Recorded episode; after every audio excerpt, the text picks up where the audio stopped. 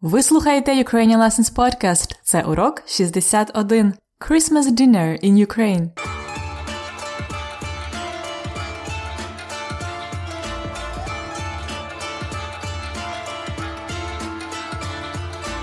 Добрий день! Це Анна і подкаст Уроки української для всіх, хто вивчає і любить українську мову.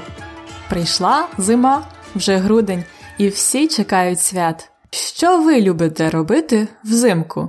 Українці люблять їздити в Карпати, кататися на лижах, пити гарячий чай чи солодке какао. Маленькі українці люблять також ліпити сніговика і грати в сніжки. Також українці часто ходять в гості взимку, бо це пора свят. Новий рік, Різдво, Старий Новий рік.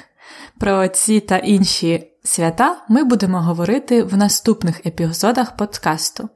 А також ми трошки будемо вчити граматику, новий відмінок, орудний відмінок.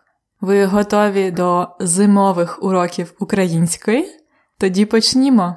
So, as I said, прийшла зима. The winter has come. Ukrainians like to do many things взимку, in winter, like їздити в Карпати, кататися на лижах, ski, пити гарячий чай, to drink hot tea, або солодке какао, sweet какао, кака. Маленькі українці, little Ukrainians, люблять ліпити сніговика, make a snowman, і грати в сніжки, play snowballs. Also, Ukrainians like to ходити в гості, as it's uh, time of holidays, пора свят. In this and the following episodes of Ukrainian Lessons podcast, we're going to talk about the winter holidays in Ukraine and, of course, learn some grammar, the new case, instrumental case, орудний відмінок. То ви готові до зимових уроків української? Почнімо! We will start today with one of the most exciting parts of Ukrainian holiday traditions. Yija, the food. It's not Christmas time yet, but it's time to make the Christmas plans and Christmas menu, right? So again, I asked our food expert on the podcast, who is my mom, to record and send you a voice message to you, to Sluhachi podcastu, and to tell what she cooks for Rizdvana Vecheria, Christmas dinner. Rizdvana Vecheria. We also call it свята вечеря, as it's uh, during святвечір, святий вечір, the holy evening, so it's the holy supper, свята. Слухайте уважно про різдвяну вечерю і дайте відповідь на запитання. Скільки страв в Україні готують на різдвяну вечерю? Скільки? How many? Страв, dishes. Скільки страв в Україні готують на різдвяну вечерю? Some of you may already know the answer, but just uh, listen then. Слухайте. Добрий день, слухачі подкасту. Прийшла зима, а з нею різдвяні свята. В Україні їх дуже люблять. Сьогодні я розкажу вам, що я готую на Різдво. На різдвяну вечерю в нас традиційно подають 12 страв. Основна страва кутя. Кутя це відварена пшениця з маком, медом, узваром, горіхами і родзинками. Узвар це напій із сухофруктів. Також я завжди готую рибу, запечену і смажену, вареники з капустою і картоплею. Крім цих основних страв, на стіл подають тушковану капусту з грибами, оселедець з цибулею, домашню гірчицю і хрін. А на десерт пиріжки з маком і вишнями. Смакота. Цікаво, а що у вашій країні готують на Різдво? Щасливих вам свят! До побачення! То скільки страв в Україні готують на різдвяну вечерю? В Україні готують 12 страв на різдвяну вечерю. Так, це правда, 12 страв. А які страви готує моя мама? Слухайте ще раз, і якщо можете, спробуйте записати страви, які ви знаєте. Try to write down or just get the dishes you know. Слухайте ще раз. Добрий день, слухачі подкасту. Прийшла зима, а з нею різдвяні свята. В Україні їх дуже люблять. Сьогодні я розкажу вам, що я готую на Різдво. На Різдвяну вечерю в нас традиційно подають 12 страв. Основна страва кутя.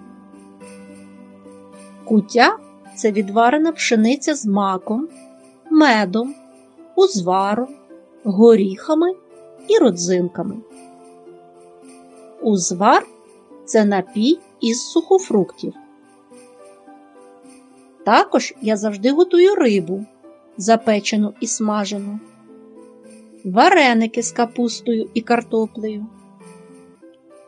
Крім цих основних страв, на стіл подають тушковану капусту з грибами, оселедець з цибулею, домашню гірчицю і хрін. А на десерт пиріжки з маком і вишнями. Смакота. Цікаво, а що у вашій країні готують на Різдво? Щасливих вам свят! До побачення! То які страви готує моя мама на різдвяну вечерю?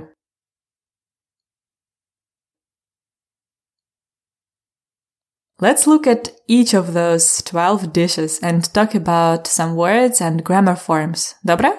Страва номер один це кутя. Кутя. Що таке кутя? Слухайте. Основна страва кутя. Кутя це відварена пшениця з маком, медом, узваром, горіхами і родзинками. Основна страва це куття. Основна the principal dish is куття. Куття це відварена пшениця. Boiled wheat.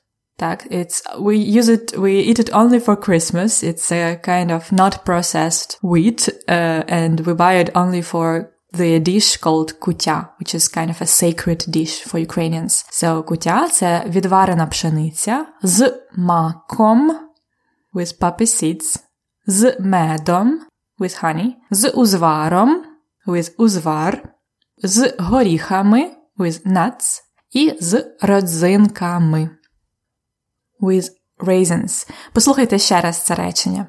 Кутя це відварена пшениця з маком, медом, узваром, горіхами і родзинками. So we say з маком, з медом, з узваром, з горіхами і з родзинками. All this is instrumental case. We use instrumental case with з meaning with. Добре? We will talk more about this later. Яка друга страва? Страва номер два. Це узвар. Узвар. Що таке узвар? Узвар це напій із сухофруктів. Узвар це напій із сухофруктів. Узвар is a name of the drink, напій, which is made of сухофрукти, dried fruit. Узвар це напій із сухофруктів. Добре. Страва номер три і номер чотири це риба, fish. In my family, риба for uh, Christmas dinner usually is in two different dishes. Запечена риба, baked fish, і смажена риба, fried fish. Добре? Страва номер 5 це вареники. Вареники з капустою. З капустою with cabbage. Вареники з капустою. Again, we have instrumental. З капустою. Feminine is ends with you. З капустою. Страва номер 6 це теж вареники. Вареники з картоплею. Картопля це також feminine, це potatoes, але це однина картопля. So we say вареники з картоплею. instrumental case. Добре. Страва номер 7. Послухайте ще раз речення мами. Крім цих основних страв, на стіл подають тушковану капусту з грибами, оселедець з цибулею, домашню гірчицю і хрін. Страва номер 7 це тушкована капуста з грибами. Тушкована капуста з грибами. Тушкована капуста це як stewed cabbage, cabbage stew з грибами with mushrooms. Гриби, mushrooms are very common for Christmas dinner. Номер 8 це оселедець з цибулею. Оселедець a hearing, так, fish, salty fish, hearing, з цибулею. Again, instrumental with onions з цибулею. Добре? Страва номер 9 це домашня гірчиця. Homemade mustard. Домашня гірчиця. So now we have some sauces, which are usually homemade for Christmas. Домашня гірчиця. Страва номер 10. Хрін. Хрін is horseradish. Horseradish, which is very strong and uh, it's uh, something which is maybe used as chili in Ukraine. Так? It's something uh, which makes food very spicy. It's a very traditional Ukrainian kind of sauce. Usually hrin is made uh, together with some beetroots, so it has uh, like a nice pink color. Добре, хрін. А що на десерт? Слухайте. А на десерт пиріжки з маком і вишнями. Смакота. На десерт пиріжки. Пиріжки з маком і вишнями. Це номер 11 і 12. Пиріжки з маком, пиріжки with seeds і пиріжки з вишнями. Пиріжки with cherries. Пиріжки are a sort of buns, buns with variety of fillings. Here we have з маком with poppy seeds і з вишнями with cherries. Again, this is instrumental. З маком і з вишнями. Mmm, смакота! So, as uh, I've mentioned, we used a lot of instrumental case with many names of the dishes here. As instrumental, орудний відмінок is always used with uh, z, z in the meaning of with, with in English, tak? And uh, z can mean other things too. For example, we learned before that z means from, and the noun after it is used in genitive in this case, like z Kyiva do Lvova. But in this case, uh, z means with, and every time it means with, we use instrumental case. Z, with, plus instrumental is one of the most common uses of the instrumental case in Ukrainian. So let's see the endings again. Чоловічий рід. M. It has always m at the end, but in the hard group it will have om, пиріжки з маком, кутя зме, дом. But in the soft group, it will have the ending m, like ніж ножем, with a knife, так, ніж ножем. Жіночий рід, feminine, nouns ending with a have ою, ою, Вареники з капустою. Вареники з капустою. Капуста, капустою. And the feminine F nouns ending with я will have ею, оселедець з цибулею, цибуля, цибулею, картопля, картоплею, like in вареники з картоплею. And also among those dishes we, we often had plural, множина. In plural, instrumental case has endings ами, ями, капуста з грибами, гриби, грибами, пиріжки з вишнями, вишні, вишнями. Again, hard group is ами, soft group is ями з грибами, з вишнями. Добре. To put this all together and just to review the names of the dishes, повторіть ще раз 12 страв. Страва номер 1 – куття. Куття. Страва номер 2 – узвар. Страва номер 3 – запечена риба. Страва номер 4 – смажена риба. Страва номер 5 Вареники з капустою. З капустою. 6. Вареники з картоплею. Вареники з картоплею. 7. Тушкована капуста з грибами. Тушкована капуста з грибами. 8. Оселедець з цибулею. Оселедець з цибулею. 9. Домашня гірчиця. Домашня гірчиця. 10. Хрін. Хрін. 11. Пиріжки з маком. 12. Пиріжки з вишнями. Смакота. Добре. А тепер слухайте розповідь моєї мами останній раз. Добрий день, слухачі подкасту. Прийшла зима, а з нею різдвяні свята. В Україні їх дуже люблять. Сьогодні я розкажу вам, що я готую на Різдво. На Різдвяну вечерю в нас традиційно подають 12 страв. Основна страва кутя. Кутя це відварена пшениця з маком, медом, узваром, горіхами і родзинками. Узвар це напій із сухофруктів. Також я завжди готую рибу, запечену і смажену, вареники з капустою і картоплею. Крім цих основних страв, на стіл подають тушковану капусту з грибами, оселедець з цибулею, домашню гірчицю і хрін. А на десерт пиріжки з маком і вишнями. Смакота. Цікаво, а що у вашій країні готують на Різдво? Щасливих вам свят! До побачення!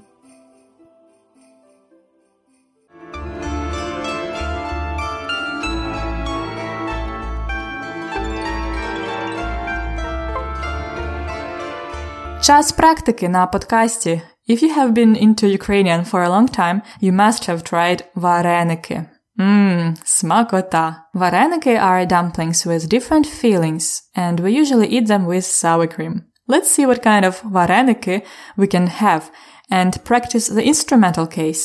For example, I say картопля, and you make vareniki with potatoes. Vareniki з картоплею. Жіночий рід картопля картоплею. Добре? Готові? Почнімо. Капуста.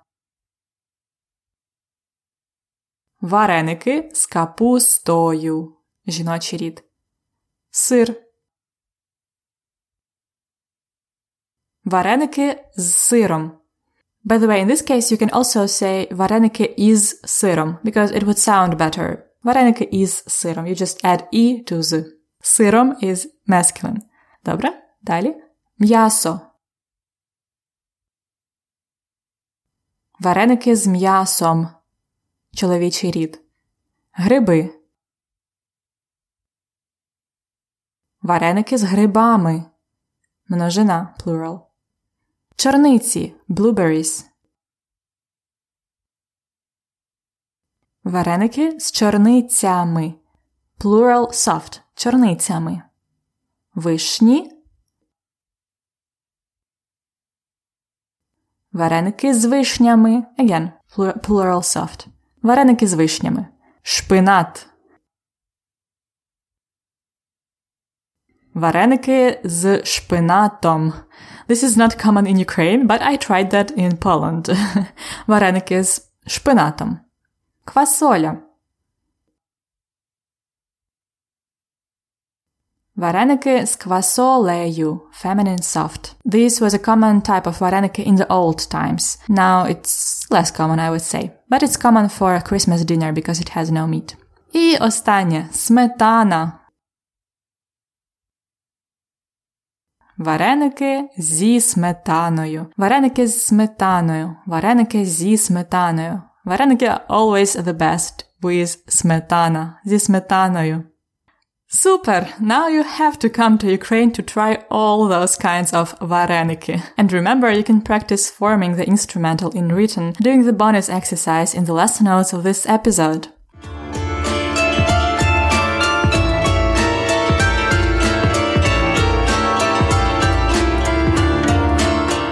Культурний факт на подкасті. So what's about all those 12 страв for Christmas dinner? The number 12 symbolizes, of course, the 12 apostles who were with Jesus Christ during the Last Supper.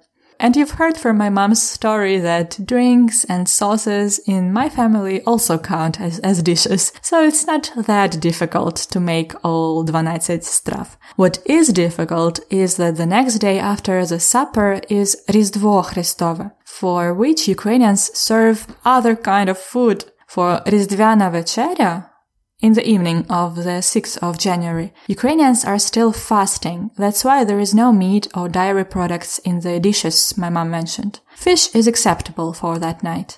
And on the 7th, when the real celebrations start, there are many other dishes like kurka, shinka, kovbasa, kotlety, vidbivni, usually many dishes with meat. So we have to cook all the fast dishes, like, like my mom mentioned, and all the meat dishes for the next days. We have to cook all these before Christmas, and this is a lot of work, as you can imagine. By the way, my mom asked you at the end, цікаво, а що готують у вашій країні на Різдво? Please tell her in Ukrainian. She will be excited to read your messages. You can leave your message about what you eat for Christmas in the comments section at the ukrainianlessons.com slash episode 61. I'm sure she will answer to you. Мою маму звати Тетяна.